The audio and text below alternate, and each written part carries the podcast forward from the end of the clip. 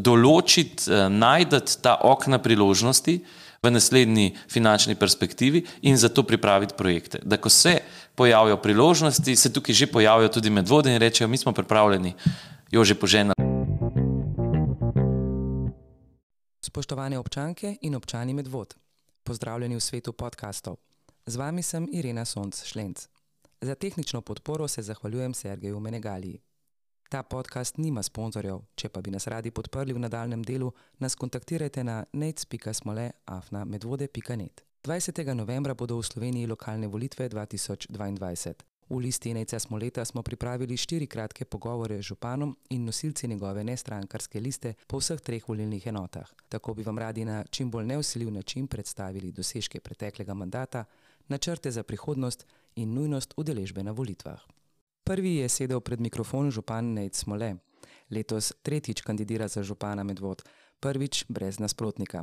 Poprašala sem ga o županovi delovni rutini, o nastanku liste LNS in njenih dosežkih ter o viziji Medvod. V redu, a sva pripravljena? Absolutno. Pa bova pa kar začela, ker ura teče, nič ne reče. Ja. Torej, lepo pozdravljen, župan. Tole bo naš prvi predvolilni podcast, predvolilni podcast Liste Neca Smoleta. Um, danes je torek, ko smo uspeli najti ta termin za snemanje, pa me zanima, kakšen je torek v županski vlogi. A je kaj drugačen od ponedeljka, srede, četrtka in petka? Lepo zdrav najprej. Ja. Eh, hvala, Irina, tudi za idejo o snemanju podkastov. Na ta način, po mojem, se bomo eh, približali komu, ki na, na drug način se skuša seznaniti ne, s tistimi konvencionalnimi, konvencionalnimi metodami. Um, Torek v resnici je mal drugačen v delovnem tednu. Zanimivo vprašanje, kot bi vedela. Eh, ob torkih imamo v naši občinski upravi oziroma ima župan kolegi. Aha. Eh, torki ob devetih so rezervirani za kolegije, ponavadi te kolegije trajajo tam uro pa pol do dve, to je nekako do enajstih zagotovo um, in so v resnici en tak uh, osreden moment srečevanja uh, vseh oddelkov občinske uprave, kjer pogledamo za teden nazaj in ponovadi za teden naprej, pa kje stojimo s trenutnimi projekti.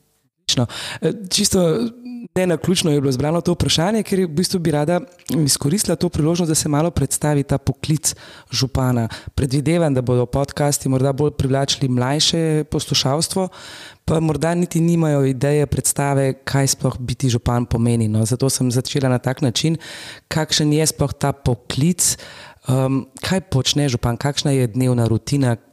A je veliko v pisarni, je to bolj uradniško delo, ali je to veliko terenskega dela, kako bi opisali to? Mogoče s tem, da je to verjetno res poklic. Se pravi, zato moraš, po mojem, vsaj malo čutiti poklicanost, ne samo sam ego, ampak tudi poklicanost. Um, fajn je tudi, da se zavedaš, kako zelo raznolik je ta poklic. Uh, dost pa mislim, da je odvisno tudi od vsakega posameznika. Torej, verjetno obstajajo župani, ki so pretežen del svojega časa v pisarni. In uh, tudi župani, ki zdržijo dlje pod vodo kot v pisarni. Uh, tako da res v veliki meri odvisno od tega, kakšen tip človeka si. Ne gre pa izključiti enega ali drugega. Um, torej, težko bi verjel, da lahko samo na terenu dela župan, ker je nažalost pač uh, ustroj uh, skupnosti, države tak, da je kar precej tudi birokracije. Um, za razliko od ostalih uh, sodelavcev v občinski upravi, pa je zagotovo to manj uradniško delovno mesto, no se ni, se je klasificirano kot funkcionar in to, to seveda tudi preko volitev je. Um, po mojem je najboljša varianta enega miksa. Uh, torej tega, da, da je župan seznanjen tudi papirnato, kako zadeve potekajo, ali pa recimo temu pisarniško, uh, in po drugi strani, da pozna teren, ker brez poznavanja terena uh, je pa tudi potem človek nekako bolj slep kot ne. Uh mhm. -huh. No, pa zdaj smo ravno pred lokalnimi volitvami, nekateri bodo šli tudi prvič na lokalne volitve. In um, kolikor se jaz spomnim, osnovni niti v srednji šoli nas kaj dosti o tem, kaj lokalna samouprava pomeni, ne poučijo in v resnici človek postane volilec, pa ne ve za res, kaj oziroma koga voli. Kakšna so pooblastila recimo župana in občinske uprave in občinskega sveta. To so ločene stvari in verjetno jih večina državljanov kar pošteno pomeša. Ja, bi si predstavljal, da nekdo, ki se s tem ne ukvarja ali pa mu to ni blizu, da ne pozna ravno čiste raznolikosti uh, vseh teh organov. Mogoče začnem s tem, kaj je lokalna samouprava, po mojem, sploh je ne. Gre za urejanje odnosov v skupnosti, v neki manjši skupnosti. In če smo se nekoč odločili, da bomo osnovali države uh, na, na takšnih ali drugačnih podlagah, uh, je bila potem tudi odločitev, da se skuša za to, da bo življenje kar čim bolj nemoteno potekalo, organizirati tudi manjše skupnosti občine. Zdaj v Sloveniji verjamem, da večina poznata to zgodovino občin in tudi vedno znova, sploh pred lokalnimi volitvami, se odpirajo debate, aj občin preveč, aj jih je premalo, a so prevelike, a so premajhne in tako naprej. Dejstvo je, da v zgodovini bilo v Sloveniji tudi več kot tisoč občin. Potem v, v času socializma, mislim, da v, v, v 80-ih ali takrat enkrat reorganizacija na 80 komun, uh, danes smo na 212 občinah, ki bolj ali manj uspešno pač rešujejo težave, ki jih imajo ljudje. In upam si reči, da povprečen državljan lokalno skupnost občuti neprimerno bolj, kot občuti državo. Uh, ker lokalna skupnost dejansko ureja celo vertikalo človekovega življenja. Ne. Od rojstva, vrtca, osnovnega šolstva, v redu potem sekundarno in, in terciarno šolanje je v domeni države, uh, knjižnica, uh, kulturne, športne, zabavne prireditve so več ali manj vse tako ali drugače povezane z občino, potem pa vse naprej do ali pa vse proti koncu do, do pomoči na domu uh, in pa na koncu koncu tudi pokopališka in pogrebna služba sta v domeni uh, občine. To je, če se sprehodimo po vertikali življenja. Če pa gledamo tudi tako mal um, po, po različnih dejavnostih, je pa seveda urejanje vseh komunalnih zadev, od cest, uh, visokih graden, šol, vrtcev in tako naprej, in tako naprej, da ne naštevam. Torej, v življenju poprečnega človeka se mislim, da leta večkrat sreča z občino, kot pa z državo. Tako kot sem rekel, um, država ureja zunanje zadeve, obrambo, neke celovite, kar poprečnemu državljanu pač ni tako zelo blizu. Vprašanje pa, koliko se tega zavedamo. Ne? Vprašanje je, koliko se zavedamo, da ko gremo v knjižnico, da v resnici koristimo uh, usluge, ki so financirane v, v primeru knjižnice kot javnega zavoda, skoraj bi reči, skoraj 100% iz budžeta naše lokalne skupnosti. Ja, meni se zdi to pomembno izpostaviti, no, še posebej letos, ko imamo tako super volilno leto in je verjetno udeležba na zadnjih lokalnih volitvah, ne, ki pridejo zadnje na vrsto, lahko kar um, problematična od utrujenosti. V resnici se mi zdi, ja, da je zelo pomembno um, ljudi nagovoriti, da, da pač vsake volitve so. So naša ne samo pravica, ampak tudi obveznost. No. Tako da jih mhm. res povabim tudi na lokalne, um, zdaj za župana, kot kaže, bo malce manj uh, izbire, ampak bom zelo vesel, če bodo vseeno se odpravili na volitve in obkrožili moje ime, zato ker bojo s tem dali uh, eno, eno kljubco prizadevanjem zadnjih štirih ali pa osmih let, ki smo, in pa en velik. En velik kredo za naslednje štiri leta, torej da program, da vizija, ki jo imamo, da jo podpirajo. Zelo si želim, da bi bila torej udeležba nad 50%. Zdaj videli smo um, pretekli vikend državno zbor, eh, se pravi predsedniške prvi krok, komaj da, da smo prelezali na polovico. Eh, tako da to so tudi vprašanja, ki jih bo verjetno potem potrebno naslavljati ob raznoraznih, um, kako se temu reče, evalvacijah, uh, tako, tako predsedniških, kot verjetno tudi lokalnih volitev. Kako čim več ljudi ne govori, da pridejo voliti. Tukaj ima država še kar nekaj uh, možnosti, ne, uh, digitalizacija oziroma um, elektronsko glasovanje. Nekatere severne države so to že uvedle in verjetno bi to precej popularizirali celo, um, cel proces pri mlajših uh, voljivcih, starejši so pa pač tradicionalno bolj uh, vajeni tega klasičnega glasovanja. Pa tudi za mlade se mi zdi, da v resnici nobena katastrofa se uh, v nedeljo uh, enkrat od jutra do večera se spravi na volišče. Velja. No, in reciva, da se en mlad človek, ki bo letos prvič pristopil k volitvam, odloči, da gre voliti in če voli neca smo leta, koga voli. Če gledamo za župana, jaz verjamem, da voli nekoga, ali pa sem prepričan, da voli nekoga, ki ima zelo rad te kraje. Um, in se mi zdi to tudi en pomemben faktor, če ravno bo kdo rekel, da v, v luči vse komunale in vsega tega to ni pomembno. To je po mojem zelo pomembno. Um, upam reči, da v tem času, ker sem na občini, da smo ustvarjali neko vizijo medvod. Um, in v tem mandatu, ki je pred nami, ki se nam obeta, uh, bo treba kar nekaj korakov te vizije tudi uresničiti. Um, vizija medvod, da oskrat rečem, ali pa taka, ki jo jaz kar naprej ponavljam, je, da so medvode leta 2035 najbolj prijeten kraj za življenje ob Ljubljani. Z največjo kakovostjo bivanja, kar pomeni, da smo kot skupnost trajnostno naravnani, da je to zelena skupnost, da je to uh, skupnost seveda z ogromno uh, obvodnih površin, ki jih bomo izkoristili, oziroma jih počasi že izkoriščamo, ampak ne izkoriščamo v tistem brutalnem pomenu, ampak v tem, da pravzaprav prinašajo neko dodano vrednost. No. Uh, torej, da se zavedamo, da smo hkrati v centru države in po drugi strani v neki zeleni oazi tako malce stran od prestolnice, zelena vrata tako, prestolnice. Tako. To je bilo pravzaprav tudi eno od mojih vprašanj, kakšna je ta vizija medvod. No, pa mogoče vseeno malo še pogleda, glede na to, da bo to že tretji mandat, um, bo kaj drugače kandidirati kot tretjič, tretjič za župana? Gotovo. Uh, se tudi doskrat sprašujem, kako je zdaj s to funkcijo župana, ne pa, pa z mandati, koliko mandatov ja, kdaj ne. Uh, vidimo, da imamo super župane, torej že od začetka, danes, če sem prav bral en prispevek, jih je sedem ali osem takih. Poznam primere iz Avstrije, kjer so ljudje, eh, župani celo življenje, res pa, da so to manjše skupnosti. Um, po drugi strani pa seveda predolgo le ne gre ustrajati, zato ker se lahko človek zasiti ali pa mogoče prije tudi do avtocenzure. Uh, do, določenih stvari nekako po, po nekem določenem času, po mojem, niti ne upaš več razmišljati ali pa si zelo ukalupljen. To si upam zdaj trditi, da v tretjem mandatu gotovo še ne. Vsaj pri uh mhm. -huh. meni ne, zato ker, je, ker se nihče ni predstavljal, da bo to drugi mandat tak, kot je bil. Ne. Eh, jeseni leta 2018, ko smo šli na volitve, smo vsi gledali svet v eni čist drugi luči, kot ga danes. Jeseni 2018 ni nihče si znal niti predstavljati, kaj, kaj bi to lahko bila pandemija, kaj je to COVID, kaj, kaj se lahko zgodi s skupnostjo. In ravno danes, ko ste me sprašvali, kakšen je bil, kakšen je torek, ne, danes sem imel v popoldanskih, zgodnih popoldanskih urah en daljši sestanek, ker sem bil imenovan v eno skupino, ki pripravlja regionalno um, strategijo za kulturo cele Ljubljanske urbane regije, 25 občin. In moje glavno sporočilo je šlo v tem, da se dajmo ukvarjati z posledicami COVID-a pa ne zdaj s tistimi zdravstvenimi, s tem se bo ukvarjalo zdravstvo, ampak s tem, kaj je COVID pustil, oziroma kaj so zadnja štiri leta pustila v naših skupnostih. Jaz namreč trdim, da naše skupnosti propadajo pred našimi očmi. Um, pa ni, to ne pomeni zdaj samo luknje v asfaltu, da če tako komunalno razmišljamo, ampak o tem, da kaj se dogaja s prostovoljstvom. Um, Pa spet ne zaradi občine, ne zaradi COVID-a, ampak zato, ker je ta zmes zadnjih štirih let povzročila eksplozijo superegoizma.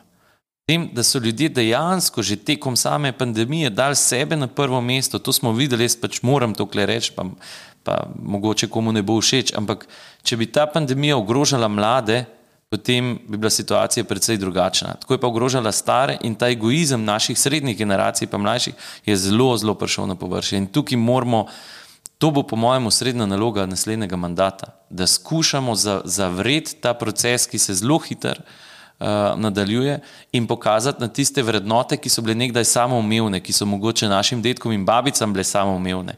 Pa smo jih potem z nastopom kapitalizma rekli, da to so preživete vrednote, to ne šteje, ne do ne šteje moj uspeh. To, kje sem jaz, kako sem jaz statusnimi simboli um, pozicioniran v neki družbi. Uh, in smo začeli zametovati tiste stvari, ki so pa v resnici, no, po mojem, na koncu, ki delaš v življenju v račun, res pomembne. To so pa odnosi. Uh, To so pa kako se jaz v eni skupnosti počutim, um, koliko sebe sem dal v to skupnost, kaj sem pripravljen dati. Mnoge generacije zdaj vidijo res skupnost kot nekaj, iz česar oni lahko izbirajo, vam pa ni tako. Skupnosti lahko, uh, od skupnosti lahko pričakuješ samo toliko, kot skupnosti daš. To tudi sem že stokrat rekel, pa, pa se sto prvič ponavljam. In če izhajaš iz te predpostavke, potem, potem je res skupnost nekaj najvišjega, kar obstaja. Uh, in to si želim, da bi bila recimo ena vizija tega mandata. Zelo lepo povedano. Zdaj, ko smo ravno govorili o skupnosti, tudi lista Nejca Smoleta je neke vrste skupnost, ki nastopa pač na, na lokalnih volitvah. Kako je prišlo do te liste? Morda pač glede na to, da je predvolilni podcast razložil malo, kako je, kako je sploh prišlo do liste. Ja, na lokalnih volitvah načeloma se da kandidirati na dva načina. Eno, da se kandidira skozi stranke, to so politične stranke, ki so registrirane, um, imajo potem ponovadi tudi na lokalnih nivojih svoje lokalne odbore.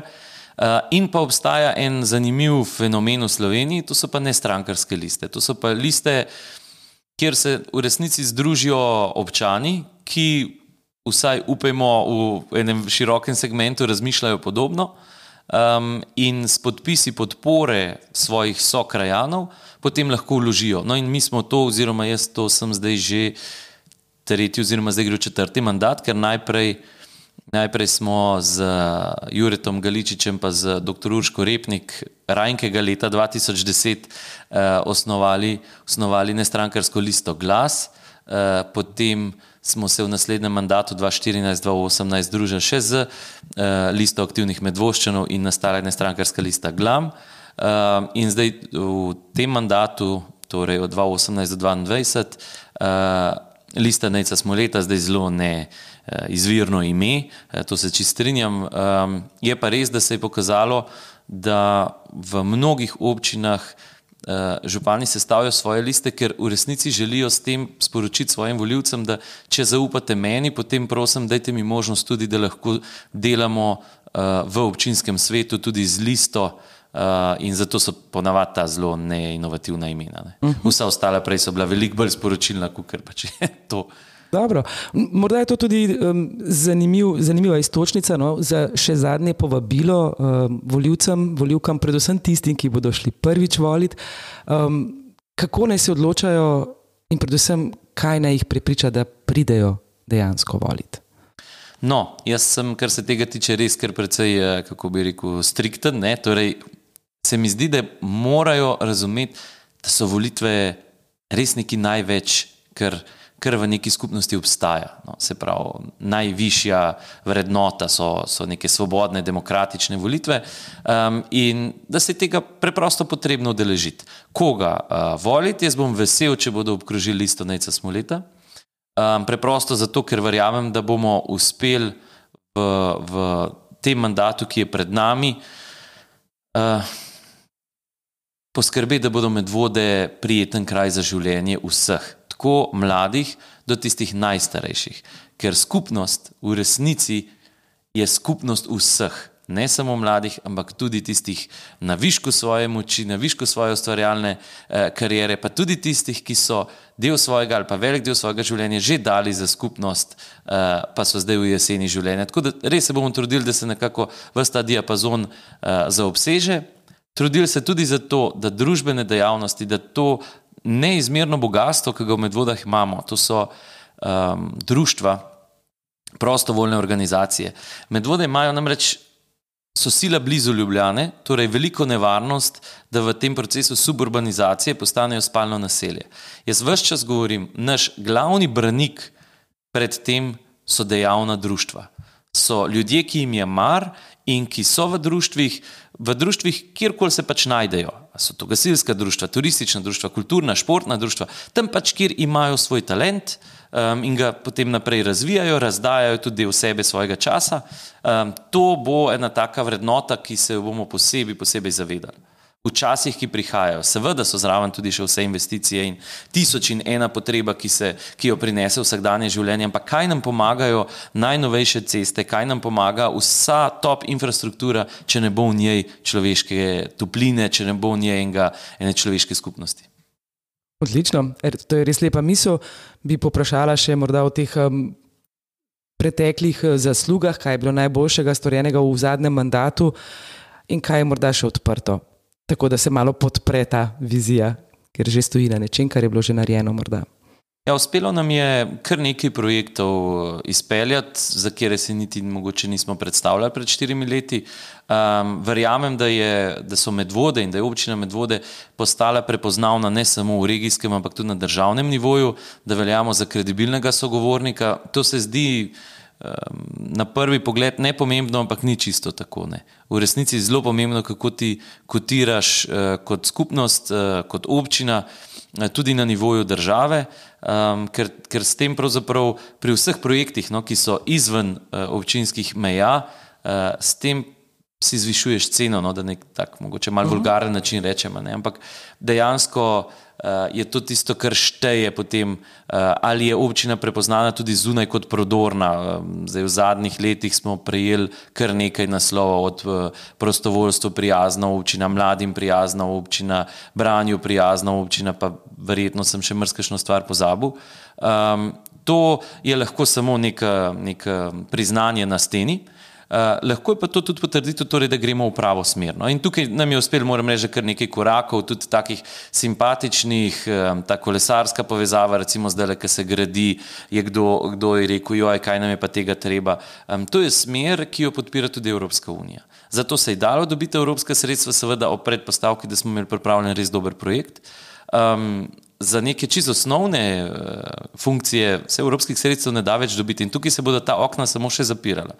In ko ste vprašali, kakšni so cilji za naprej, čim hitreje um, določiti, uh, najdete ta okna priložnosti v naslednji finančni perspektivi in za to pripraviti projekte. Da ko se pojavijo priložnosti, se tukaj že pojavijo tudi medvode in rečejo, mi smo pripravljeni, jo že poženali, kako je že bila tista reklama, ja, torej, da, da gremo naprej. In, to je recimo ena taka stvar, na katero sem ponosen, da je mogoče se tudi razumevanje znotraj občinske uprave, tudi znotraj uh, same občine uh, spremenilo in zdaj ne gledamo več toliko zelo na, na tiste projekte 50 metrov okrog svojega doma, ampak skušamo razumeti občino res kot en tak živ konglomerat vseh.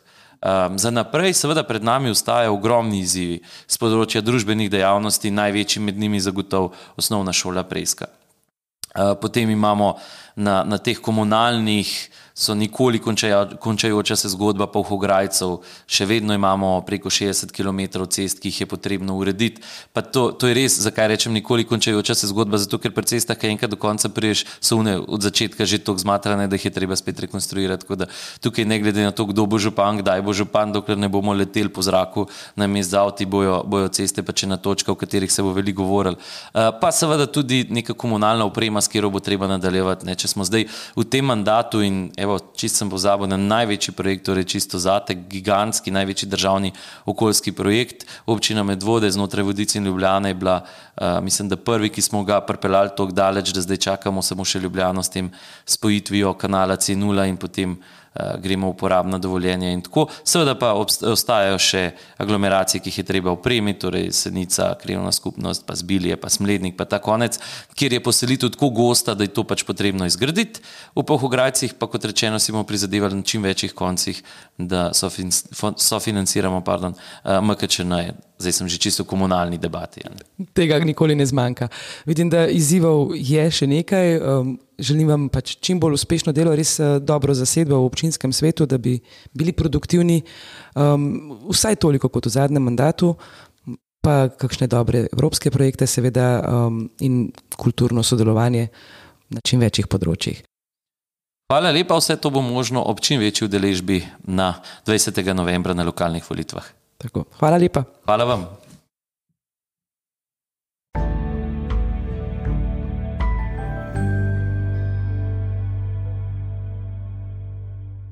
Poslušali ste kratek pogovor z županom občine Medvode. Nastal je kot del predvolilne kampanje pred lokalnimi volitvami 2022. Če bi želeli podpreti te vrste pogovorov, nam pišite na nec.smole afna medvode.net.